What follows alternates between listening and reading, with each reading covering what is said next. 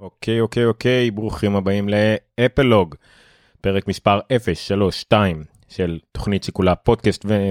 פודקאסט ומחשבות על אפל, או שיחות ומחשבות על אפל, תלוי מאיפה הגעתם. יום ה-17 לנובמבר 2020, יום שלישי, תוכנית שבה אנחנו עוברים על אה, כל חדשות השבוע באפל, מה היה מעניין, מה עניין אותי באופן אה, אישי, מה אה, שחף את התעשייה, מה גרם לכולם לדבר, להתלונן, לצעוק, לכעוס, להתלהב, לשמוח ולהלל בבכי, אה, לאו דווקא בסדר הזה. מה היה לנו השבוע? השבוע היה לנו אה, שבוע מאוד מוזר שקרו בו הרבה דברים, מכולם שכחנו, כי היום, ויצא ככה, החלטתי לעשות את התוכניות שלי ביום שלישי, בימי שלישי, כיוון ש... לאחרונה יצא שזה היה ימים שבהם אפל עושה אירועים, אפל משחררת דברים, אה, זה התחיל עם, אה, עוד עם WWDC נראה לי, ואירועים לפני כן, אה, ככה יצא. עכשיו זה דבר טוב, כי זה אומר שהיום יום שלישי למשל, והיום יצאו למכירה המקים החדשים, עליהם דיברנו שבוע שעבר, ושבוע שעבר היה אירוע אפל גם כן ביום שלישי, בדיוק לפני התוכנית, וכולי וכולי. אה, אז היום יצאו המקים החדשים, יצאו כל הביקורות למקים החדשים, כל השמועות על בנצ'מרקים, כל מה שהיה הפך להיות רשמי, אה, כולם אה, קיבלו וחלק כבר הזמינו, חלק כבר קיבלו היום, אז כולם מדברים רק על זה. אז כל מה שקרה בשבוע החולף, כולם, אף אחד לא זוכר. אז אנחנו, מה לעשות, ניכנע לזה, נדבר בעיקר על מה שהיה היום, המקים החדשים וכל הריוויוז, הרבה שאלות ותשובות שעלו מזה, עוד משבוע שעבר, המון דברים. אולי ניגע קצת בכמה דברים שהיו, למשל האייפון 12 מיני והאייפון 12 פרו מקס, שניהם גם כן הגיעו לסוקרים ממש שבוע שעבר, אה, יום לפני האירוע של אפל, אה, וגם היו על זה ביקורת וכדומה, אבל כולם כבר שכחו מזה. היה גם ביג סר שיצא לציבור, יצא בצורה פומבית, וגם אם זה היה ארבע צרות, עם איזו תקלה מאוד נדירה מאפל, אז, אז זה גם משהו ששווה לדבר עליו, אבל כנראה נצטרך לדחוץ את זה לסוף ונראה מה יהיה. אה, ונתחיל עם מה שהכי חשוב, כאמור, עם מה שהכי חשוב זה המקים החדשים. וכל המידע הרב שבא לנו מזה עם כל הביקורות והכל.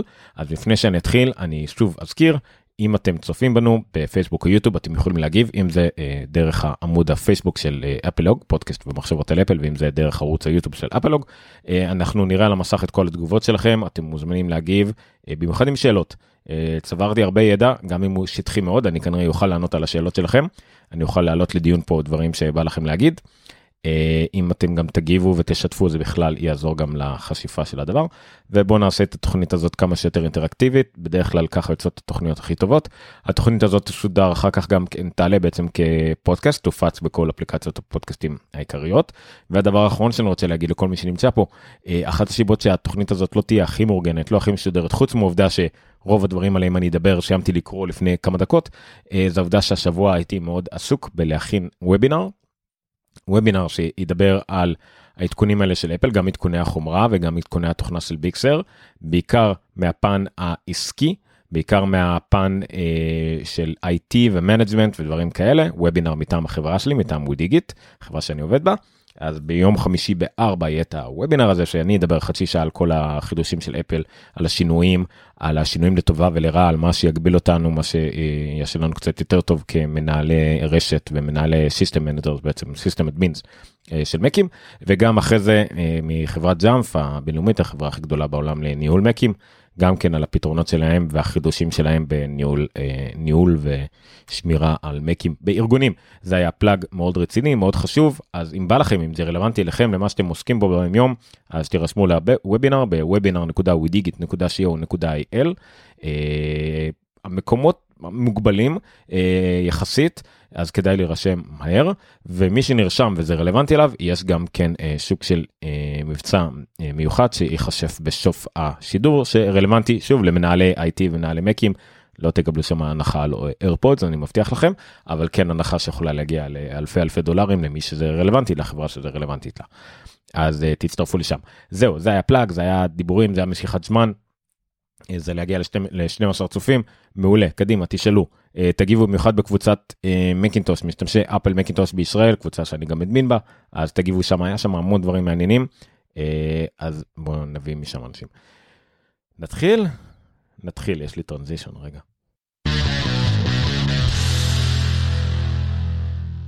זה ככל הנראה יהיה הטרנזישן היחידי אה, בתוכנית כי אני פשוט אדבר על הכל על הכל אותו דבר מעכשיו אז אני לא חושב שזה יהיה באמת משנה. אבל בסדר. אז שבוע שעבר היה לנו אירוע מאוד מאוד מרשים של אפל אנחנו שיקמנו לך אני העברתי אותו בשידור חי אה, די עלוב ומיד אחרי זה שיקמנו אותו בשידור אה, מאוד מעניין עם אה, ניר חורש ורב רוזנברג תודה רבה לכל מי שעזר לנו להשתתף אה, לשידור היה מאוד מעניין יצא גם פרק פודקאסט מאוד נחמד אה, אז דיברנו שם על כל מה שהצלחנו ללמוד באותו רגע על המחשבים של אפל. לא לא לא הרבה יותר מדי אבל כבר היה לנו די ברור גם כי ידענו פחות או יותר שהיא אפל סיליקון אפל חשפה מה יהיה אפשרי מבחינת תוכנות והכל אז פחות או יותר למדנו. אז אני רוצה לדבר זה סוג שיהיה של אה, ממש אה, ספיחה של טקסט כזה שלי אה, בלי ממש סדר או ארגון או מחשבה אני אנסה תוך כדי שיהיה תמונות מעניינות למי שרואה אותנו בווידאו אה, אבל בגדול זה אני מדבר הרבה ומדי פעם אני אראה אולי איזה יוטיוב או, משהו כזה שאולי יעניין אתכם. אז השאלה הכי חשובה הייתה אה, שבמשך כל השבוע הזה עלתה האם ההייפ מוצדק האם אפל אה, צודקת שהיא פרסמה את כל הנתונים האלה על M1 על המעבד מטורף שטוב בפי כמה וכמה מהמעבד הקודם וכל הדברים האלה אני לא אלאה אתכם בפרטים יש הרבה מאוד פרטים האם כל זה נכון. היו גם כמה ראיונות ממש בימים האחרונים עם בכירים באפל החל מקרייג פדריגי באינדפנדנט ועד עוד שני אנשים ש... מצחיק ששיתפו את זה היום בקבוצה שני שני סליחה את ה-VP של פיתוח שהיו בכמה וכמה פודקאסטים וראיונות וכל אחד אמר שזה exclusive אז זה לא exclusive הם עשו את כל הסבב אבל בסדר.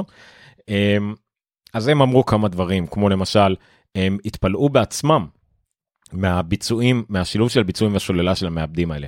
הם באו במחשבה של אה, אנחנו ניצור דור חדש של מעבדים אנחנו נעשה כל מה שאנחנו יכולים לגבי הביצועים שבאמת יהיה ביצועים הכי טובים בשוק ואז הם עשו את זה זה פחות או יותר מעבדים של האייפון הם מכירים והביצועים הם מעולים. ואז הם בדקו את הסוללה והם ראו שגם הסוללה עשתה פי 2 והם כאילו זה, זה כאילו כמו מתנה מבחינתם שהם קיבלו. אז זה מרשים וזה אומר את הקו הזה שכל הקו הזה של מעבדים לאפל זאת אומרת זה אמור להיות זה עדיין זה דור ראשון של מעבדים כמו שמישהו תיאר זה המעבד למק הכי גרוע שאפל אי פעם תייצר. אוקיי זה אין מה לעשות זה עובדה זה המעבד הכי גרוע שאפל אי פעם תייצר כי כל מה שיהיה פה יהיה רק יותר טוב. אז ציפו שזה יהיה משהו שהוא דור ראשון יהיה אה, משהו מאוד אה, בסיסי מינימלי אפל גם כיוונה לזה אה, זה מחליף את שלושת הדגמים הכי חלשים של אפל ב lineup המקבוק Air המקבוק פרו 13 הפשוט יותר של השני חיבורים והמק מיני גם הנמוך יותר מבין כל האפשריים. אבל יצא להם מפלצת. כמה מפלצת והאם ההייפ הזה באמת מוצדק? יצאו המון בנצ'מרקים יצאו בנצ'מרקים של Geekbench ואז Cinebench וכל מיני דברים אמרו זה סינתטי זה חד פעמי זה לא המון המון דברים. היו המון ויכוחים. במיוחד אני בעיקר נמצא בקבוצה של המק בפייסבוק עם, עם אבי וכל מיני אנשים. הרבה מאוד פסימיים הרבה מאוד מנסים חלק מנסים להלל חלק מנסים להוריד. היום זה נפתר היום אנשים בדקו את זה בפועל. שוב על השלושה דגמים האלה כל מה שאנחנו יודעים זה רק על הדגמים האלה אז מה, מה קרה פה? מה קרה הוא שפחות או יותר, יותר נכון, יותר או יותר, ההייפ היה מוצדק. אוקיי? הביצועים של המחשבים האלה הם מעל ומעבר לכל מה, ש, אה, מה שציפו, ואלא אם כן אתם ציפיתם למשהו פרו מטורף על ההתחלה, על משהו שיחליף את המקבוק פרוססור הכי חזק, משהו שיחליף את האיימק פרו, את המק... אז לא, א' כל ציפיתם לא נכון, אנחנו גם יכלנו לנחש את זה אה, עוד מיוני, והחל משבוע שעבר בטוח ידענו את זה, ועוד לפני כן שיצאו כל שמועות, אין סיכוי שאפל הייתה מוציאה משהו שהוא סופר פרו, הם הוציאו משהו שהוא הבסיסי, משהו שמקביל ל-A14 באייפון, ואולי A14X שיהיה באייפד פרו או משהו כזה, אז ידענו מה שזה יהיה. אבל אה, אנחנו לא ידענו איך זה ייראה במק, לא ידענו כמה חזק זה יהיה במק, והנה היום אנחנו יודעים, הדבר הזה הוא מפלצת, מפלצת יחסית, שוב, לדגמים חלשים. אה, למשל, הדוגמה הכי טובה לכמה אנשים הופתעו מזה, שענייני הסוללה באמת נכונים. אה, למשל, אם אתם, אלא אם כן אתם משתמשים בכרום, גם בשימוש אמיתי, תדיר ורציף עם המקבוק פרו או המקבוק אר אה, ביומיום, עבודות רגילות לגמרי. שוב, אלא אם כן אתם משתמשים בכרום, שמתברר שזה צרה אחרת לגמרי, בין 8 ל-12 שעות שימוש רגיל לגמרי. אני יודע זה מה שאפל הצהירה תמיד עד היום על המחשבים הנוכחיים שלה אוקיי אבל זה תמיד היה אז הם הצהירו על זה רק אם אתם רואים וידאו רצוף או גלישה ברשת רגילה אז מה שהיה פעם הצהרות בכאילו, מה שהיום ההצהרות הם נגיד 20 שעות, 18 שעות, הפכו להיות אה, הצהרות בפועל, אה, תוצאות בפועל של בין 8 ל-12 שעות עבודה אמיתיות. MKBHD אמר למשל שהוא חיבר את המקבוק פרו שלו רק פעם אחת בארבעה ימים. אה, דידר בון ונילי פטל מדברד גם כן אחרי רק יום שלם הם הגיעו לתוצאות אה, לירידה בשלילה.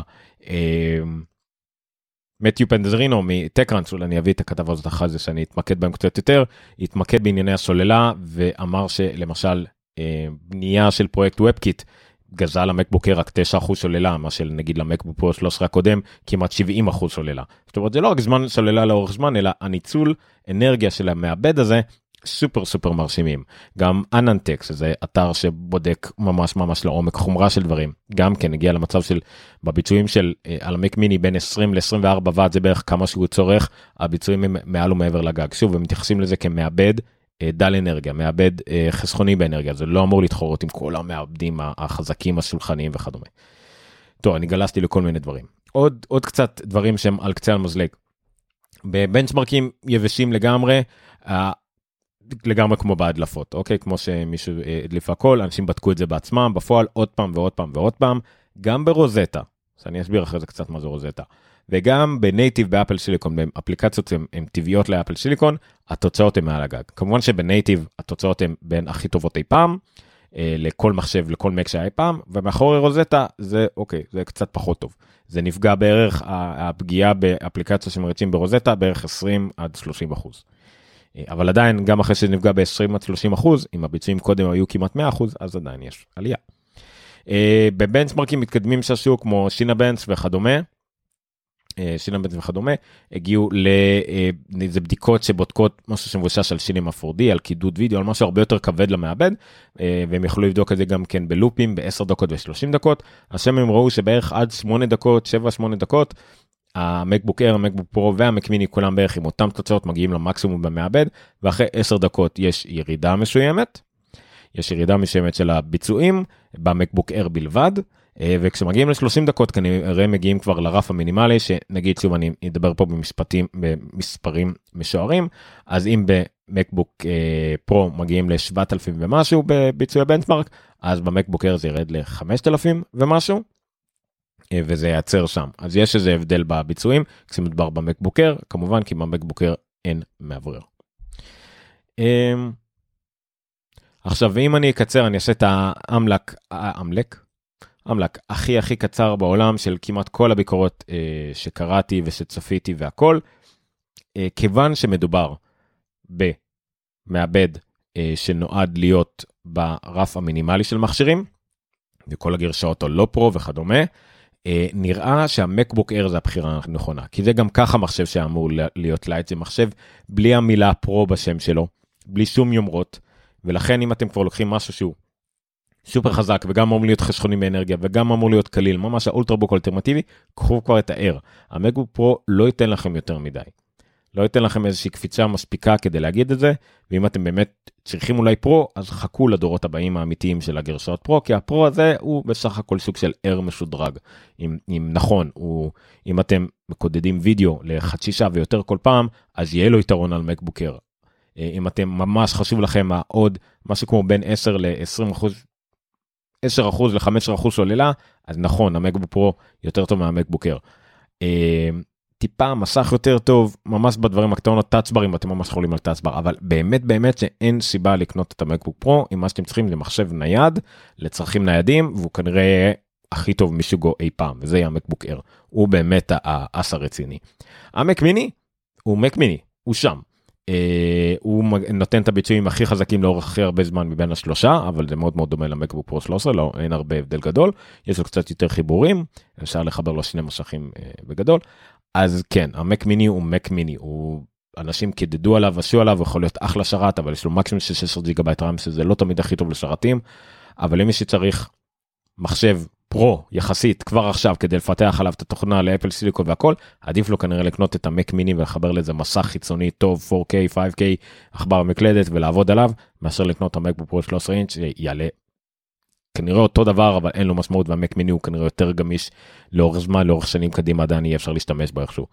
אז איך שאני רואה את זה המקבוק אר אם אתם רוצים את הנייד הכי מגניב שיש היום בעולם והמק מיני אם אתם רוצים את האפל סיליקון הכי טוב הכי חזק למטרות פיתוח למטרות לשחק עם זה בבית ולא באמת חשב לכם הניידות והכל כנראה זה המק מיני. גם על המק מיני אתם לא תצטרכו להסתכל יותר מדי עוד כמה שנים. המקבוק אר כנראה והמקבוק פרו יחליפו עיצוב כנראה בקרוב שיתאים יותר למעבדים וזה קצת אולי יבאס שאתם תדעו שיש לכם את המשהו הישן הזה. אבל לגמרי קפצתי לעצות קנייה בסוף. בסדר זה לגמרי היה אה, על קצה המזלג אה, של מה שאני הבנתי מכל הביקורות הסקירות וכדומה. טוב נמשיך. נמשיך. אוקיי מה אני חושב שאנשים קצת הבינו לא נכון לגבי הדור הזה אני דיברתי על זה קצת בקצרה לפני כן אני לא יודע אם אני לא, לא כתבתי פה יותר מדי אבל uh, בואו זה חשוב להבין את הדברים האלה בואו נשים פה איזה תמונה יפה ברקע יופי. קודם כל אנשים לא הבינו למה אין מקבוק פרו 16. אוקיי אנשים לא הבינו למה אין מק uh, פרו למה אין איימק למה יש רק שני פורטים על המקבוק פרו 13 למה אין עוד גמים למקבוק אר מה קורה עם המק מיני החזקים uh, וכדומה.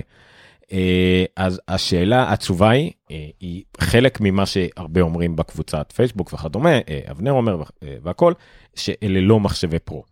הם לא נועדו להיות מחשבי פרו דיברתי על זה קצת בקצרה זה מחשבים שנועדו אך ורק להחליף את הדגמים הכי הכי הכי בסיסיים בליינאפ של אפל. זאת אומרת אם התלבטתם אם לקנות מקבוק Air או את המקבוק פרו 13 החלש הזה עם השתי ליבות זה של 1200 ומשהו דולר אז אפל החליפה את הדגמים האלה. עד כדי כך שאפילו אם תלכו למקבוק פרו 13 תראו שעדיין דגמי האינטל של הארבע פורטים 4 Thunderbolt ports עדיין זמינים. כנ"ל לגבי המק מיני אם אתם רוצים 64 ג'יגה בייט RAM אם אתם רוצים אה, את ארבע פורטים של אה, Thunderbolt אה, 3 כל אלה זמינים לכם עדיין אבל יחד עם מעבדי אינטל גם מחשב המקבוק פרו 6 ריינס עדיין תקף כאינטל. אז יש פה בעצם שתי סיבות למה אנחנו לא רואים את זה בדגמי הפרו.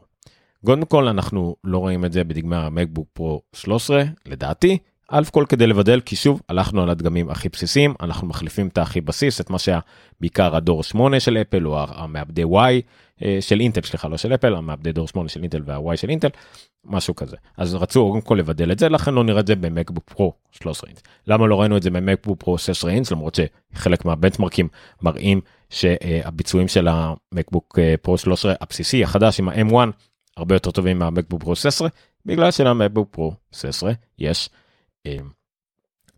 מעבד גרפי נפרד חיצוני discrete מה שנקרא שעדיין בביצועים שלו הוא עובר את כל מה שיש ל-M1 להציע. גם עם ה-M1 עם המעבד הגרפי המשוכלל בפנים אה, עדיין מחשב מקבוק פרו 16 עם כרטיס מסך חיצוני אה, עובר אותו. מק פרו כמובן כי אפשר להעמיס עליו מיליון ליבות ואחד וחצי טרהבייט RAM עוקף אותו.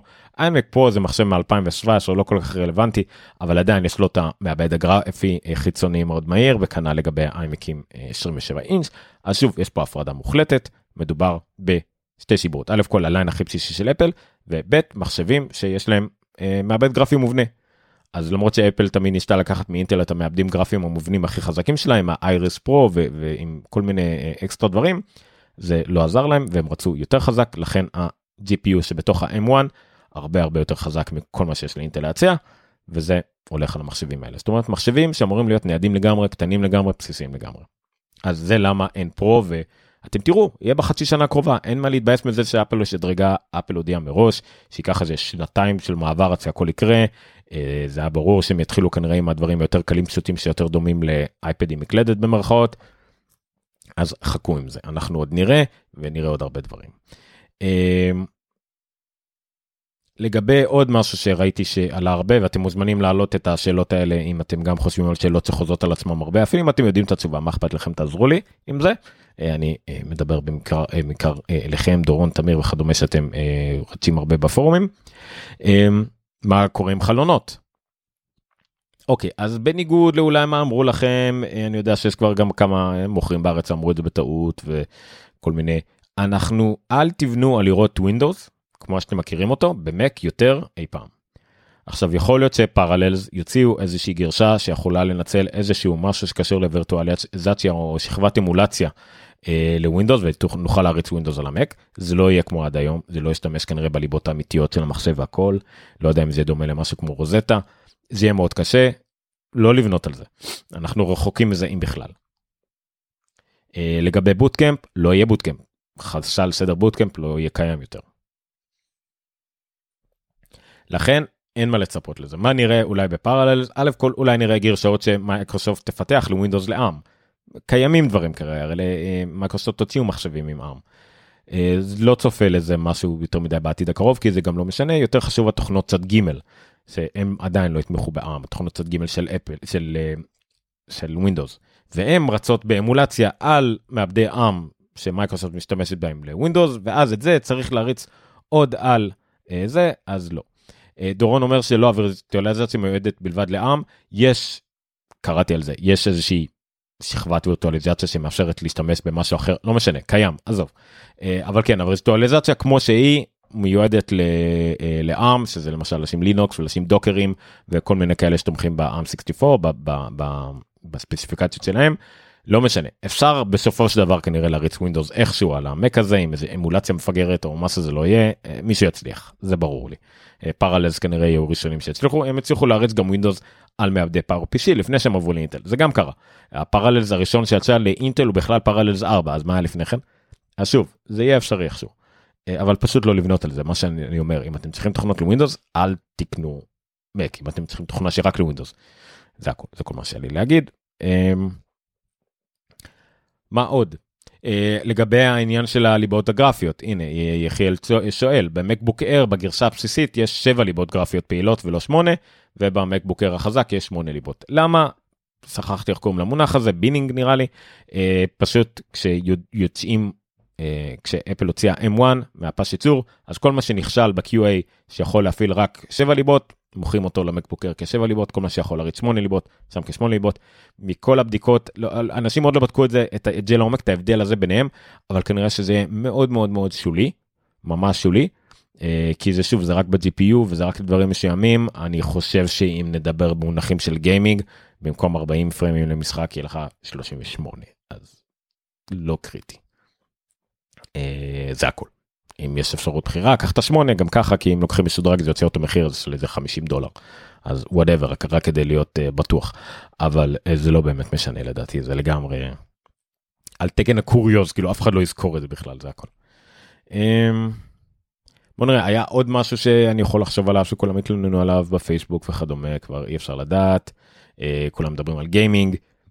כולם. אלמוג מדבר על גיימינג האם uh, יש סיכוי שנראה גיימינג במק מאוד אופטימיים מאוד אופטימיים לגבי זה אבל uh, כרגע לא זה בעיקר בגלל מחסור במשחקים. המעבד הזה כנראה מתי שהוא חזק מספיק למשחקים סבבה ככה אבל לא יהיו משחקים ולא יהיה באמת איזה מעבדים מטורפים של uh, 4K ב-120 פריים שנייה וכאלה זה, זה כנראה לא יקרה בקרוב אבל בסדר. Uh, נעבור לנושא הבא שהוא בעצם uh, שלל נושאים. uh, נתחיל דווקא אה, לפני שאני אעבור אליהם מניסיון להבין על מה הבחור שם דיבר שאמר אה, שיכול להיות שיש איזושהי משהו שאפל הוסיפה למעבדים סליחה לספקי כוח מול המעבדים אז בואו ננסה להקשיב לזה ונראה אם זה משהו שיעזור לנו מיד אחרי הפרשומות המעצבנות האלה.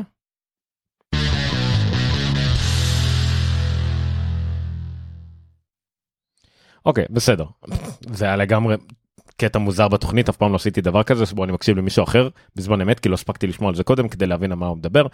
אה, אוקיי הוא לא אמר בניגוד למה שהבחור פה אה, חשב אה, איך הוא תיאר את זה. אה, יש הבדל ברכיב שמספק כוח למעבד המעבד של הפרו אה, מסוגל להשתמש בהרבה יותר כוח. זה לא בדיוק נכון זה לא הרבה יותר כוח שים לב מה הוא אמר הוא אמר ביותר כוח לאורך זמן באותו כוח לאורך זמן וזה כבר ראינו בנצמרקים הכוונה היא ל-sustain power זה אומר שפשוט המקבוק פרו והמק מיני לא התעייפו. הם, הם השתדלו לא, לא להתעייף מה שנקרא הם לא פתאום מעודף חימום יצטרכו אה, לרדת.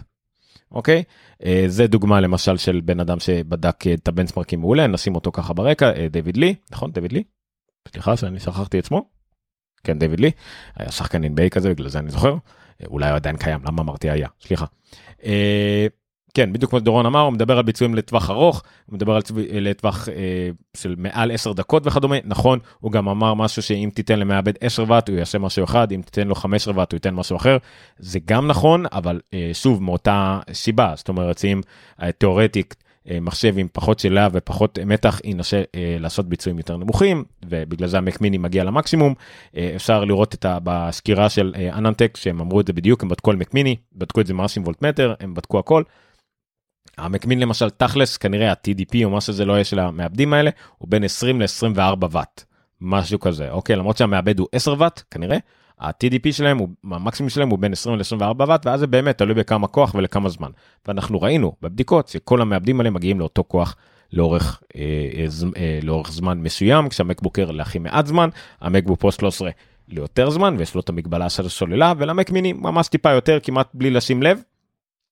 אה, יותר לשים לב שהם ייתן קצת יותר עמק מיני ממש קצת יותר אבל שוב לאורך זמן דורון גם אומר שהוא לא אמר שהם ייתנו לו הספק אחר הוא אמר אם נכון אם תיתן לו 10 ואט הוא יאכל משהו אחד 15 ואט משהו אחר. בסדר נכון זה הרבה אם אם זה שוב זה אה, אני קפץ לי הפוסט הזה בפייסבוק כי זה נשמע כאילו וואו אפל אמרו משהו שלא תראה גם בביקורות לסרטון הזה אה, אה, לאותו סרטון שכולם אומרים כל הכבוד ששאלת את השאלות החשובות האלה והקשות האלה לאפל בשאלות שלא שואלים בדרך כלל אבל עדיין הם לא ענו על אף אחת מהן. אין, אין יותר מומחים באפל מלהתחמק מלענות על שאלות היחידות היחידים שעונים על שאלות שאולי אסור להם לענות ולפעמים לרוב זה בכוונה זה רק הסינר וייס פרזנט אוקיי זה זוז זה אה, פדריקי אה, זה פיל שילר וכאלה. הם היחידים שמרשים לעצמם לפעמים שיפלט להם משהו וזה כאילו בטעות אבל בפועל כנראה גם זה היה בכוונה. אז זהו לא לא הייתי תופס מזה ושוב לא היה הוא כתב exclusive אין שום דבר exclusive בזה. שניהם כבר דיברו במשך יותר מחצי שעה אפילו אה, בפודקאסט. אה, אה, upload. אוקיי? סבבה. אה, איפה היינו? אוקיי, אז Dave Lee, Dave Lee עשה גם כן אה, דברים מאוד יפים, כל מיני benchmarkים, אפילו השווה את זה, הוא השווה את זה להאקינטוש של חבר מסתורי שלו, בהרבה מאוד דברים הביצועים היו מטורפים, אה, גם דברים שהם באו מרוזטה היו מטורפים, אה, שוב, לא משהו ש... כאילו עכשיו יפתיע אותנו, אבל הדברים האלה מעולים, שימו לב, תראו בפיינל קאט, שזה מותאם הדבר הכי מותאם למק אנחנו רואים פה דברים של המקבוק אר מגיע ב-6 דקות ומשהו כזה הכל סביב ה-6 דקות והמקבוק פרו 16 היה על 18 דקות אוקיי מקבוק פרו 16 היה על 18 דקות. אמ, יש פה עוד איזה נתונים מעניינים סליחה רשמתי גם את הנתונים המעניינים בצד. לא עשיתי מעברון אבל לא נורא. איפה זה? אוקיי למשל הוא זה ששם לב שרק אחרי 8-9 דקות המקבוקר התחיל להאט. אה, האחרים כנראה כבר לעולם לא מאטים, כאילו גם אם נשים אותם חצי שעה ושעה. אה, מאווררים אפילו אה, רק פעלו אחרי חצי שעה או יותר. בבדיקה אחרת אמרו שאת ה Mac mini בכלל לא שמעו את המאווררים שלו, גם שהוא התאמץ, גם שהם עשו רינדור של כמה סרטי 4K אחד אחרי השני, הם לא שמעו את המאווררים כמעט בכלל, שזה סופר סופר מר, מרשים. אז זה 13 8 דקות, אה סליחה, 16 היה אותו דבר, נכון? 6 ומשהו דקות, שזה עדיין מרשים. Premiere Pro, אוקיי, Premiere Pro זה מרשים כי זה תוכנה שרצה ברוזטה. אני אעצור שנייה תכף להסביר על מה זה רוזטה. אה, אז Premiere, גם כן, 10 אה, דקות קידוד ב-5K, MacBook Air על סביבות 24 דקות, MacBook Pro על 21 דקות, שהוא פה אנחנו רואים כל דבר שהוא מעל 10 דקות של עבודה מאומצת, אנחנו נתחיל לראות הבדלים בין ה MacBook Pro ל MacBook Air, פה במקרה הזה זה משהו כמו 10 אחוז אה, הבדל, קצת יותר, אה, כמעט 15 אחוז הבדל. ה Mac mini אפילו קצת פחות מה MacBook Pro, אבל ממש מעט, אבל המקבוק פרו 13 2019 אה, כמעט אה, פי אחד וחצי ופה גם פה המקבוק פרו 16 שוב מקבוק פרו 16 עם מעבד גרפי מאוד חזק שיודע לנצל את זה הגיע ל-11 דקות אנחנו רואים פה באמצע הדרך ושוב זה על רוזטה. בואו נעצור שנייה להסביר ממש ממש על רגל אחת מה זה רוזטה. אה, רוזטה זה הטכנולוגיה של אפל לתרגם תוכנות שלא בנויות למעבד החדש לא בנויות ל-M1 אלא בנויות רק לאינטל. הם בעצם מתרגמים חצי בזמן אמת את התוכנה. זה לא חצי בזמן אמת זה כאילו בכלל לא בזמן אמת זה פשוט בזמן הראשון בהתנעה הראשונה. לדוגמה ברגע שנפתח פעם ראשונה את אדובי פוטושופ הגרשה שמתאימה רק לאינטל אין לה גרשה נייטיב יש רק איזה גרשת בטא.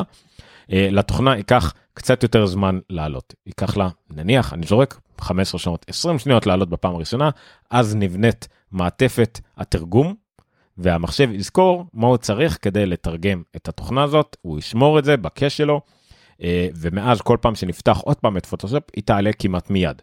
כי היא כבר מתורגמת, זאת אומרת במקום לנסות עוד פעם להריץ אותה מחדש כמתורגם, זה ירוץ מיידית. וככה בעצם כל תוכנה שלא בנויה עדיין נייטיב לאפל סיליקון, אין הרבה כאלה, אז רוב התוכנות ירוצו עם רוזטה, כולל Microsoft Office, כולל הרבה תוכנות. אתם צריכים להבדיל כשאתם שומעים על תוכנה שהיא אומרת שהיא תומכת במחשבים החדשים של אפל, אז אתם צריכים להיות קשובים כי זה לא אומר שהם תומכים ב native ב Apple Silicon זה אומר רק שהם יכולים לרוץ זה נבדק וזה רץ וזה עובד עם רוזטה. המונח שאותו אתם צריכים לחפש אם אתם מחפשים אפליקציה שהיא בטוח מותאמת למעבדים החדשים של סיליקון זה אוניברסלי. Universal Binary, Universal App. זה רק זה האפליקציות שהם בעצם ירוצו גם על אינטל וגם Apple Silicon זה ייקח כנראה איזה שנתיים שלוש ואז נראה אפליקציות שרצות רק Apple Silicon והם לא אוניברסלית יותר.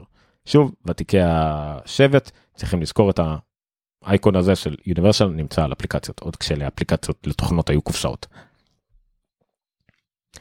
לעומת זאת רוזטה ירוץ כל אפליקציות מה App Store כל אפליקציות שאתם רגילים כנראה ירוצו חלקם ירוצו יותר טוב מאשר שהם רצו על אינטל כי שוב מדברים על בערך בין 20 ל-30 אחוז אה, נחיתה אה, אם בדקו בגיקפנס בדקו בנצ'פרקים על אינטל אה, רוזטה על, על אפל סיליקון או בדקו גיקפנס שנועד לאפל סיליקון על אפל סיליקון או בערך בין 20 ל-30 אחוז הבדל אבל שוב ברגע שהתוכנה בנייטיב היא תעבוד ב-100 אחוז יותר טוב אז נחיתה של 30 אחוז זה אומר שהיא תעבוד ב-70 אחוז יותר טוב.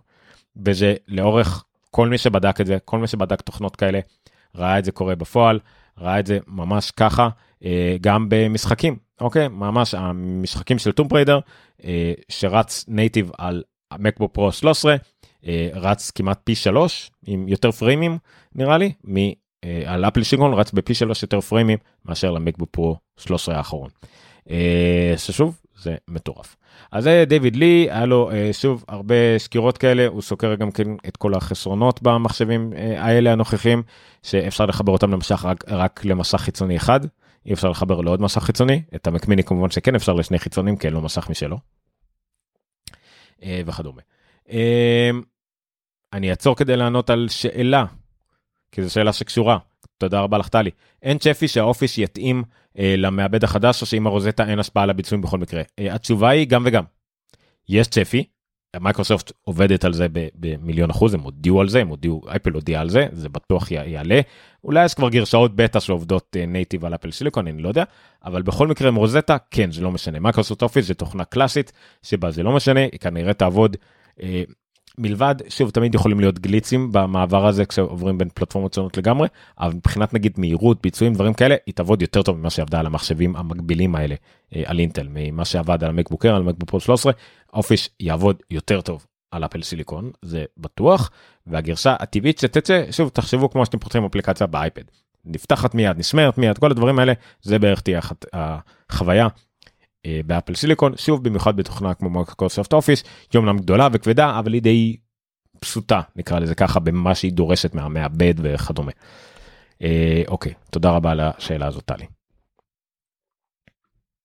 אה, סרטון שראיתי היום אה, Tally Ho Tech משהו מצחיק אה, שוב זה מסוג הדוגמאות הסופר אנקדוטליות הוא בדק את זה הוא השווה את זה בעיקר למחשבים ניידים עם אה, מעבד גרפי אינטגרלי אבל גם כאלה שלא הוא אפילו עשה pairing עם הג'ויסטיק של הפלייסטיישן 5 שלו עשה המון בדיקות טכניות מה שמעניין אותי זה שהוא בדק בסופו של דבר אם אני לא טועה פה Fortnite הוא בדק את Fortnite בשני מצבים Fortnite אה, כמובן שלא מותאם עדיין ל Apple Silicon זה נטו רוזטה אה, מהחנות של Epic.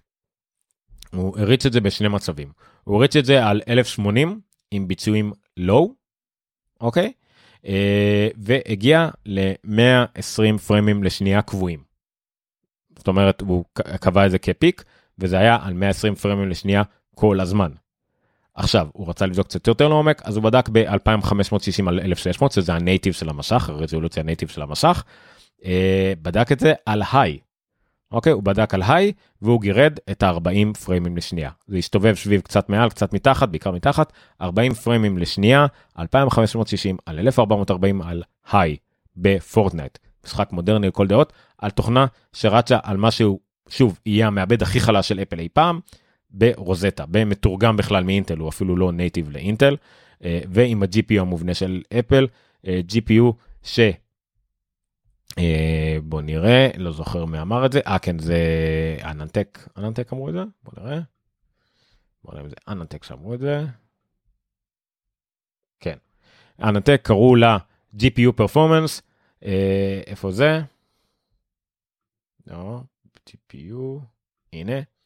הכותרת שלהם ל-GPU Performance זה Integrated King Discrete Rival. זאת אומרת, בכל מה שקשור למעבדים, אה, למעבדים גרפיים מובנים, הוא המלך הלא מעורער, הביצועים פה הם אה, מעל הגג בכל מה שקשור לזה. שוב, אתם יכולים לראות למשל, אה, מה זה אזטק, לא יודע, לא משנה, עזבו, אני לא אשאר מה, אבל תראו מספרים פה, על מחשב עם אה, כרטיס גרפי חיצוני 1660 Ti, אה, הוא כמובן הראשון, אה, מחשב עם 1650 הוא שני, אבל אז בא המק מיני, M1 זה מה שהם בדקו מק מיני, אה, מגיע גם רגיל וגם רוזטה, כי ברוזטה אין כל כך משמעות ל-GPU, GPU עובדים בדרך כלל נייטיב גם ככה. פשוט הוא השלישי קרוב ומתחתיהם מחשבים עם 560x, 560 עם כל מיני מעבדים, 1065, דברים שאני פחות מבין בהם. אה, גם בבדיקה אחרת עם 1440 באיכות יותר גבוהה, אז גם כן הוא ירד אה, עדיין במקום השלישי, בערך באותו סקאלה. אה, דברים די מטורפים ביחס למה שהמקמיני היה אמור לעשות, זה היה אמור להיות מחשב חלש. אז בכל מה שקשור ל-Integrated GPU, למעבד גרפי onboard מה שנקרא, המלך הבלתי מעורער החדש של מעבדים אה, גרפיים על הלוח. אה, לגבי אה, discrete, שוב, הוא מתחרה מאוד יפה ל discrete cards מלפני כמה שנים, או מהמחשבים הפשוטים יותר. ושוב, זה אמור להיות מחשב פשוט, זה מחשב של 1,000 דולר, 1,200 דולר, נכון, זה הרבה יחסית ל-PC, אבל עדיין זה מעט יחסית לאפל. אה, אז זה מה שהוא אה, נותן. מרשים מאוד. אה, זה כולם פה נותר להם רק להזיל ריר על מה שאפל תעשה כשהיא תתקדם קצת במודל של gpu אם היא יכולה לכבות ליבה אחת מתוך שמונה על ה-GPU אולי היא יכולה להוציא עוד כרטיס עם 16 ליבות של GPU ברגע שהיא תצטרך אולי למזער את זה קצת או לעשות אולי יותר מקום להתחמם אנחנו לא יודעים מה יהיה. אה, אז זה כרגע נגיד לגבי הביצועים ש AnandTech נתנו. אה, ל-MKBHD לא זה לא זה עדיין על זה סליחה על המשחקים. אוקיי, גם סקירה שלא הרבה מכירים, אה, אה, סקירה שנקראת אה, שרה, אני לא יודע איך לבטא את השם משפחה שלה, היא בעיקר באה מהצד הקריאיטיב, היא עשתה unboxing, והיא בדקה את זה יותר עם הדברים אה, שהיא משתמשת בפועל. למשל, שוב, אה, אין ספק, החום הרג לה את המחשב לחלוטין, ברגע שעוברים לשפארי זה עובד מדהים. כל מה שהיא בדקה של אדובי, במיוחד התמונות והכל עבד מעולה, עבד, היא, היא לא פסימית, היא הייתה ריאלית כזאת, היא הייתה לא באה בהתלהבות יותר מדי, יעבוד לפחות כמו המחשבים שהם החליפו, לפחות לפחות לפחות שוב על תוכנות עם רוזטה לא תוכנות נייטיב ברוב המקרים הרבה יותר מהיר. אוקיי עיבוד תמונות הכל יותר מהיר. היה לה הרבה מאוד בעיות עם Premiere היא עובדת באיזה פורמטים מיוחדים של Premiere אני לא כל כך הבנתי אם זה מצלמה אה, אז זה קרטע לה אבל שוב זה היה משהו שהיה שווה ערך או קצת יותר טוב ממה שאפשר לצפות מ MacBook Pro 13. על סוללה למשל היא דיברה כמה חום הרג לה את הסוללה לעומת זאת אה, רגע שעברה לשפארי זה היה ביצועים מטורפים של 9 שעות עבודה מאומצת. אה, אחרי זה היא ניסתה כך כאן רואים את ה Premiere שלה קצת מקרטע אבל אז היא ניסתה לעבוד על Final Cut. וכשהיא ניסתה לעבוד על Final Cut הלסת נופלת. אה, הנה היא אומרת שאפילו המחשב iMac Pro אה, שעלה ל-4,000 דולר מקרטע בסרטונים שפשוט רצים חלק לחלוטין היא עורכת ב 4K מטורף גם פנזרינו רשם את זה כל מי שנשאל לערוך סרטים ב Final Cut שוב תוכנה שהיא בנויה למק מן הסתם ונבנתה ב silicon Apple Silicon. עובד בצורה מטורפת אז זה גם סקירה מאוד נחמדה לא אה, מישהי שכל כך קופצת בדרך כלל אבל זה היה מאוד מאוד מרשים. אה, יפה דורון פה רושם לנו להכניס לו אה, פרופורציה TDP שזה משהו על מתחים שזה אז של ה-GTX 1650 הכרטיס גרפי שהוא עבר ממקודם את אה, יחידי שעבר את אפל נגיד הוא מגיע ל-50 ואט. והם בדקו את המק מיני שהגיע אולי ל-20 עד 24 ואט. אז שוב זה כל הרעיון של אפל זה שהיא מתחרה בסקאלה של האנרגיה נמוכה ובזה היא מכסחת את כל המתחרים אם אני אגיד את זה בלשון ציורית. ממש כאילו בלי בלי בלי שום תחרות ושוב אין מה לעשות שב-GPU יש הבדל כי ה-GPU צריך יותר מתחים וכשעושים את זה אז מגיע יותר. Um, הנה הגענו לפנזרינו עם אה, שוב זה לא הסקירות של המחשבים הוא נטו לקח דיבר על ה-M1 רצה להריץ לו בדיקות גם מבחינת סוללה הוא ממש ממש uh, התלהב מהסוללה. עשית להם השוללה יש פה דוגמה מאוד מגניבה אה, אה, אה, שוב מאזיני הפודקאסט יכולים לחפש את הסקירה הזאת של פנזרינו גם בתגובות הוא פשוט מראה איך הוא מפעיל תוכנות בדוק ועוד לפני שהוא מגיע לתוכנה הבאה בתור הקודמת כבר הפסיקה לקפוץ ובעצם עלתה. משהו מטורף מבחינת הקצב של המסך הזה של המחשב הזה האנלוגיה שלו המוזרה שלו הייתה אם אי פעם היה לכם מחלה או איזה פציעה מעצבנת ואז בבת אחת הורידו לכם את הגבש ואתם מרגישים חופשיים זה בערך התחושה כשעוברים לאפל סיליקון. אה, יש בו הרבה הרבה השוואות, אה, גם ה-iOS שרץ אה, רץ מבחינת חזק ומהיר, וטוב זה מילה אחרת, כל הדגמות שלו עם רוזטה וכל הגרפים וכל הדברים שהוא מביא פה. מעל לכל סקאלה הגיונית של מה שמעבד ראשון אי פעם למחשב שהחברה עשתה אמור לעשות. Uh, הנה הביצועים של שוללה שלו שהוא בנה WebKit Compile 91% רק ירד מהמקבוק Air לעומת זאת המקבוק פרו 13 החזק יותר דרך אגב לא החלש שאליו משווים נשאר לו רק 24 אחוז סוללה זאת אומרת שלושת רבעי סוללה למה שלקח רק 9 אחוז סוללה מה-M1 ואני לא מדבר על כמה זמן זה לקח אלא נטו על הניצול אנרגיה. אה, כל הדברים האלה המון גרפים המון המון גרפים אנזיפ של אקסקוד למשל שזה גם דבר שדורש הרבה מהמעבד גם כן 5 דקות לעומת 7 דקות במק פרו 16 הכי חזק ו10 דקות במק פרו בכלל 2019 החדש. הרבה דברים זה מרשים אני התוכנית כבר התארכה למעבר לשעה אני רוצה אה, לסיים עם הדגש הזה אה, שאומר לדגש פלוס כמה מילים על תוכנות. אז הדגש שאני רוצה להגיד בואו נעבור לזה כי אני חושב שאין יותר מה להראות בואו תתמקדו בי מה שחשוב בווידאו זהו. אוקיי אז שנייה אני אקח שלוק ונעבור לסיכום לדעתי.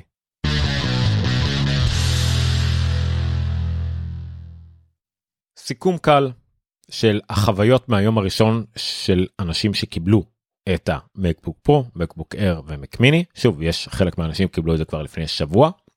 הקשבתי, אה, הספקתי לצפות בכמה אה, סרטוני יוטיוב, לכמה פודקאסטים, ויש לי עוד הרבה מה לקרוא, וכל הסקירות צייצו. המסקנה האחת והכוללת היא, זו מהפכה, זה לא סתם איזה שדרוג, מעולם לא היה קפיצה כל כך גדולה במעבדים, כל כך גדולה בביצועים. בדור שהוא שוב המינימלי, הדור הנמוך. לא תמצאו שקירה אחת כנראה שתנשה, אלא אם כן זה הקטע שלה, להוריד ממש מהערך. תמיד אפשר למצוא ולהתמקד בדברים קטנים ולא חשובים, אבל בגדול זה שבירה של השוק במובן של מה שאפשר לעשות עם יצור מעבדים עצמאי, לא להיות תלויים באינטל, ועדיין להריץ דברים של אינטל. אני לא יודע כמה זה יפתח את הראש ל-AMD ולכל שאר המתחרות שכבר מתחרות באינטל זה נכון אינטל כבר מזמן קצת בבעיה. אה, אתם יכולים להקשיב גם לפודקאסט אה, שנקרא Stratechery אה, לא לפודקאסט איך קוראים? Exponent סליחה. עם בן תומפסון שיש לו בלוג שקוראים לו Stratechery שהוא מדבר הרבה על ה disruption של אינטל הנפילה של אינטל והחוסר יכולת שלה להסתגל עוד מ-2005 כבר מהחוסר יכולת שלה להסתגל אה, למשברים שקורים בשוק לאנשים ששוברים את השוק שלה ואפל כנראה אה, אה נתנה חתיכת אה, שלפה חרב מהמותן פגיון מהמותן בדרך לאינטל זה לא קשור לאינטל היא אפל חברה קטנה היא לא באמת תשפיע על זה שהיא תפסיק לקנות מאינטל דברים עזבו. אבל זה כן יכול להשפיע על אינטל לטווח הרחוק למה שהיא אמורה לעשות עם, ה, עם החברה שלה עם העסקים שלה. בסדר אז זו מהפכה מהבחינה הזאת זאת מהפכה מבחינת מחשבים ניידים חזקים באלף דולר מקבוקר שיחזיק לכם בין 10 ל-20 שעות סוללה יכול לעשות כל מה שתרצו לעשות כנראה בחיים ל-80% מהאוכלוסייה ממש החל מלערוך גם השרטונים הכי כבדים לטיק טוק יוטיוב הכל יצליח לערוך לכם בצורה מעולה גם אם טיפה יותר לאט מ MacBook Pro 13. אה, המסך אולי קטן אז מה יש לזה עדיין חיבור חיצוני ועל מחשב סופר נייד. המחשב הזה כרגע בדור הראשון שלו במעבד הכי חלש שאפל אי פעם תייצר בעצמה למקים על המחשב שנראה כמו אותו מחשב מלפני 10 שנים על מסך שנכון הוא Retina אבל בואו הוא לא הוא איזה HDR מטורף הוא לא OLED הוא לא mini LED או לא יודע מה. עדיין על כל זה המחשב הזה דברס נתנו לו תשע וחצי מתוך עשר כשהחצי נקודה יורדת בגלל המסך בגלל המצלמה אוקיי מצלמת רשת. אז בואו. פעם אמרו על המקבוקר הראשון לא הראשון השלישי או הרביעי שיצאו זה המחשב המושלם נכון אלף דולר אבל אם יש לכם זה המחשב המושלם גם עכשיו אפל שוב פעם עושה את זה אבל בפער כל כך גדול מהמתחרים שהיא תלויה רק בעצמה ששנה הבאה יצא m2 עוד שנתיים יצא m3 שוב יכול להיות גם וריאציות אחרות שלא משנה היא לא תלויה יותר באינטל היא לא תלויה בלהתאים את עצמה לדברים אחרים היא רק תעשה דברים יותר משוגעים עכשיו זה באמת התחלה. דבר השני שאני רוצה לדבר עליו זה העתיד. אנחנו בקושי ידענו מה יקרה עכשיו ביוני אמרו לנו על אפל סיליקון ודיברתי על זה על כמה התרגשות שאנחנו לא יודעים מה יהיה גם באירוע שהיה שבוע שעבר לא יודעים בדיוק מה יהיה בדיעבד קל לנחש שזה יהיה המחשבים החלשים ברור וזה אבל לא ידענו עד כמה הביצועים יהיו יותר טובים לא ידענו עד כמה השוללה תהיה יותר טובה. לא ידענו עד כמה אותם מחשבים שנראים בדיוק כמו אותם מחשבים שהיו זמינים רק לפני שבוע ויום פתאום זה יהיה קפיצה כל כך גדולה אז אנחנו בטח לא יודעים מה יהיה הלאה. אנחנו לא יודעים איך ייראה האיימק החדש כנראה הוא חייב לצאת. המקבוק פרו 6 אינץ' חזק יותר, ה-13 החזקים יותר אם בכלל הם יהיו, אולי יצא 14 אינץ', אולי יצא איימק 24 אינץ'. מה יקרה עם המק פרו? איך משלבים את המעבד הזה עם כרטיסים חיצוניים? אולי אפל תוציא כרטיס חיצוני, גרפי חיצוני שלה עם 64 ליבות גרפיות של הדבר המטורף הזה שהיא הוציאה, ואז בכלל זה יפוצץ את השוק חוץ מהקטע של תאימות אולי לאופן-ג'י-אל או וריאציות אחרות לא יודע מה. אמ, קשה לדעת אנחנו לא יודעים. אז יש לנו גם לדמיין איך ייראה דגם פרו של אותו מעבד, גם איך ייראה בכלל הדגמי מקים חדשים, עיצובים חדשים, מה אפל הולכת לעשות, אנחנו לא יודעים, זו תחושה של לא יודעים. אתם יכולים להגיד אפל מה איך זה הגיוני שהם לא הוציאו פה, חכו. אה, אפל איבדה את השוק החלש, הזול של המחשבים הזולים, אפל אף פעם לא הייתה משם, לא משנה כמה תגידו, היא לא הייתה ולא רצתה להיות באמת באמת במחשבים הזולים מזמן, האייפד זה המחשב הזול היחידי שלה. מבחינת אפל יש לה עכשיו מחשבים עם אפל סיליקון מ-300 דולר נגיד מחיר חינוך של האייפד אה, דור שמיני ועד השד יודע איזה 5,000 דולר או כרגע נגיד 2,000 דולר למקו פרו 13 מהבית סיליקון וזה יהיה יהיה לאפל מחשבים שהיא אחראית כמעט לעיצוב ולתכנון של כולם מאלף ועד תו מ-300 דולר עד שמיים עם הגבול הכל של אפל זה העתיד והעתיד הוא מדהים לדעתי והעתיד הוא לא צפוי וזה מעניין וזה מרתק. אה, אני הגעתי רק בסוף בסוף של השינויים הקודמים מאינטל אז זה כיף להיות חלק מזה ומשהו שהוא עוד יותר אפל. מישהו אמר גם איזה הערה קטנה, אה, אני חושב שזה היה גם אה, דיוויד לי, אה, או סליחה מישהו אחר, אנחנו מתלהבים מהמחשבים האלה עד הסוף, אבל שימו לב, זה מחשבים של אפל. זה לא מחשבים שלכם כנראה, זה מחשבים של אפל. אפל קובעת איזה חומרה, לא תוכלו לסדרג, לא תוכלו לעשות דברים, אתם תלויים בכל מה שאפל אמרה. זה נכון להרבה מחשבים ולפטופים סגורים והכל, אבל אצל אפל זה כמובן על אחת כמה או כמה, אז גם רק קחו את זה בחשבון. הדבר האחרון אחרון שאני רוצה להגיד זה טיפה לגבי התוכנות.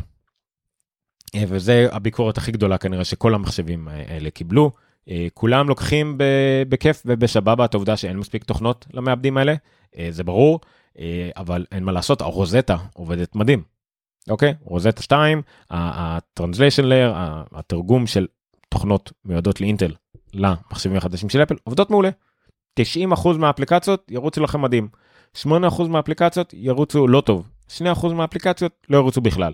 קורה, אבל זה הרבה יותר טוב ממה שהרוזיטה הקודם, המעבד הזה כל כך הרבה יותר חזק, אז זה כנראה לא ישנה להרבה אנשים, ובעצם כל שיפור עתידי יהיה שיפור משמעותי לשיפור שכבר עכשיו ראיתם. אוקיי, אנשים, יש להם כבר גרשאות בטא של אדובי, אז תראו את ההבדל בין בטא, בין אדובי על רוזטה לבין אדובי נייטיב, ותראו איזה קפיצה אחת, ואז קפיצה שנייה, זה מדהים. אמ, יש עוד אבל שני דברים שיותר הדאיגו את הסוקרים. יותר דאגה, אה, בגלל שזה אולי הכיוון שאפל רוצה ללכת אליו, שזה מדאיג.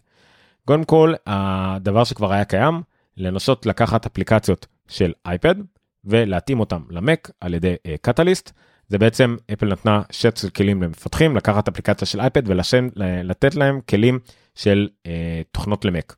אה, תפריטים וצורות גרפיות ועבודה במשך מלא כל מיני דברים שלא אמורים להיות אם אתם סתם מדביקים את האפליקציה של אייפד שלכם על המסך אז המון המון כלים uh, טובים לזה. Uh, חלק מהמפתחים השתמשו בזה לא טוב חלק מהמפתחים השתמשו בזה יותר טוב אפל בעצמה אמרה שהשתמשה בזה על כמה אפליקציות אייפדים שלה אני לא יודע כמה מזה נשאר בביקסר אבל זה מעולה אבל חלק אמרו שזה אולי קצת יותר מדי עבודה ולא שווה את זה. אה, לעשות את זה במיוחד ולהעלות את זה במיוחד.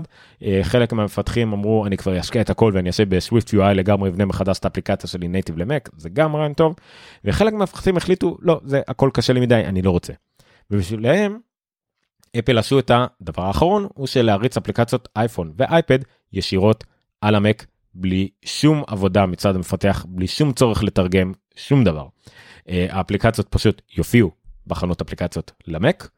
אה, זמינות שם יהיה כתוב שזה אייפון או אייפד אפ ותוכלו להוריד אתכם למק למפתח אה, אם הוא ירצה לא לעשות את זה הוא יצטרך ללכת בעצמו לאפליקציה שלו ולבטל את ה-V. זאת אומרת זה opt out זאת אומרת זה בדיפולט אפליקציות כל האפליקציות מותאמות ויהיו בחנות של האפליקציות למק ואתם תצטרכו להוציא את זה. כבר למשל כמה תוכנות שאנחנו יודעים שלא יהיו נטפליקס אני לא, בעצם אני לא מצליח אה נטפליקס לא יהיו נטפליקס בחרו שלא לעומת זאת HBO Max כן. אפליקציות שקשורות מן הסתם לניווט לאוגמנטד ריאליטי לכל מיני דברים שלא קשורים למק בכלל לא יהיו אני לא יודע אם הם בדיפולט לא יהיו והמפתח אולי יוכל איכשהו להתעקש שכן לאיזה פיצר או שתיים אבל, אבל הם כנראה לא יהיו בברירת מחדל אבל רוב התוכנות יהיו והמפתח יצטרך בעצמו להחליט שלא. עכשיו אה, חוששים מזה. חוששים מזה כי זה יכול לגרום לעצלנות בשני הכיוונים. עצלנות של מפתח זה יגיד אה יש לי גם ככה עכשיו שוק מלא במק אין לי מה להשקיע. אבל יש מפתחים שיקחו את זה כתירוץ של אוקיי בוא אני אשפר את האפליקציה שלי לאייפד אולי אני אעשה גם Catalyst. וחסכתי לעצמי אקסטרה עבודה אבל יש לי עוד שוק. Overcast למשל. Overcast עובדת מעולה אה, ממה שראיתי על המק. אה, אבל זה יכול לגרום שוב לעצלנות הזאת וזה יכול לגרום לעצלנות מאפל. אפל תגיד וואו זה שיז תראו מה עשינו הוספנו עכשיו עוד איזה 100 מיליון אפליקציות למק מק הופך להיות הפלק, הפלטפורמה עם הכי הרבה אפליקציות בהיסטוריה. אבל זה לא באמת. ואם הם ימשיכו בכיוון הזה אז מפתחים ירגישו שאוקיי אז פתרו לנו את הבעיה אנחנו לא נפתח משהו טבעי למק אנחנו אה, נמשיך ככה ויש לי הרגשה שאפל תמשיך בכיוון אז למה שאני אפתח אולי אפל תסגור את הכל והכל יהיה במק אני לא יודע מה יהיה. אז גם חוששים מזה. אני יותר אופטימי מה, מה, לסיבה שלי אני הרבה יותר אופטימי שזה לא יקרה אפל לא תעשה את זה הנייטיב אפ זה ימשיך ותנסה לדחוף את זה כמה שיותר אבל אין ספק שיש בזה צד שיווקי מאוד חזק מה שהם ניסו לעשות פה אה, והם ישתמשו בזה קצת יותר מהרצוי ואני מאוד מקווה שמפתחים אה, לא ייקחו את זה אה, לא ינצלו את זה יותר מדי וכן יפתחו אפליקציות כמו שצריך מההתחלה עד הסוף. מפתחים למק מפתחים שהם למק ואוהבים אפל כנראה לא יעשו את זה. הם, הם יהיו עד הסוף במק ויפתחו את האפליקציה הכי טובה שהם יכולים למק כי זאת הקהילה קהילת מפתחים מדהימה. מדהימה מכיר באופן אישי במרכאות מהפודקאסטים הרבה מאוד מפתחים זה קהילה שתעשה הכל וזה החוזק שלה. אה, אבל המון המון מפתחים דלה שמטה לאייפד או מפתחים מאוד גדולים כמו למשל HBO Max יכול להיות שהם יגידו אוי יופי יש לי אפליקציה וזהו לא רוצה אפליקציה שלהם לא עושה פול סקרין אה, לא, עם המון באגים אם רוצים uh, להשתמש בדברים של טאץ צריך ללכת לתפריט למעלה ולראות מין איזה מקרא איזה צ'יט שיט איזה שליף של איך לעשות עם המקלדת עכבר או טרקפד כדי לעשות דברים שהיו יכולת לעשות בטאץ במקום שהם יתאימו את האפליקציה שלהם לזה. אז כן בטוח שיהיו מספיק מפתחים שיהיו עצלנים. אני משער שלא מעט ישראלים שאפילו לא ידעו שהאפליקציה שלהם עובדת על מקים ואז נגיד להם תגידו אה יופי אז לא צריך לעשות כלום למרות שעדיף שהם היו עושים אבל בוא נקווה שהאמת כרגיל תהיה איפשהו באמצע אה, אז כמו שאני תמיד אומר אל תהיו פסימיים אל תהיו לגמרי אופטימיים אבל בהחלט תהיו יותר אופטימיים פסימיים. אה, אפל בתקופה מדהימה הפלטפורמה של המק בתקופה מדהימה האייפון, האייפד, הכל, אה, תחום הפיתוח, תחום האפליקציה, תחום השימוש שלנו, אה, גם מה שאני רואה ביום יום בתחום הארגון, בתחום המק בעבודה, במקום העסקים, התמיכה בפלטפורמות ווביות, הכל טוב. הכל טוב. ואנחנו בתקופה מדהימה, ואני מאוד מקווה שהיא תמשיך, אני לא רואה סיבה שלא. כמה דברים השתנו עכשיו בעולם לטובה, נקווה שלא ישתנו יותר לרעה, שנה מאוד גרועה ומדהימה עברה עלינו בו זמנית אה, אז יש סיבות להיות אופטימיות אם זה מה שמעניין אתכם אם זה שגורם לכם כיף ולענות תמשיכו עם זה תתווכחו עם אנשים בפייסבוק. שום מה שאתם רוצים אבל אה, אל, תיגר, אל, תיגר, אל תגררו ואל תיגררו לפסימיות זה הכל מה שהיה לי להגיד. תוכנית קצרה של שעה ורבע כרגיל אצלי אה, תודה רבה למי שהשתתף. אופ, סליחה. תודה רבה למי שהשתתף. תודה רבה למי שעשה לייק לעמוד הפייסבוק, עשה subscribe לערוץ היוטיוב, אם לא אז תעשו, זה מאוד יעזור לנו, מאוד יעזור לחשיפה של הערוץ, לעמוד וכדומה, תשתפו, תספרו, תירשמו לפודקאסט, ואם אתם בעסקים ובא לכם, תירשמו ל-webinar.wedigit.co.il, חפשו את זה גם כן, פשוט wedigit, w-e-d-i-g-g-i-t. אני מאוד משוחד שאני אומר את זה אבל אני גם מאוד צודק במאה אחוז החברה הכי טובה למקים ואפל בעסקים. בעיקר כי אני עובד שם אז בואו. יש לנו קפה בכניסה אבל תו סגול וכל זה. לילה טוב תודה רבה זה היה אפלוג פרק 032 ל-17 לנובמבר 2020 אני הייתי עומר ניניו חפשו עומר ניניו בכל מקום טוויטר יוטיוב קדמה וכאלה ואפלוג בכל מקום שזה הרבה יותר חשוב זה לא אני זה המותג. שטות לא נורמלית. טוב תודה רבה לכולם.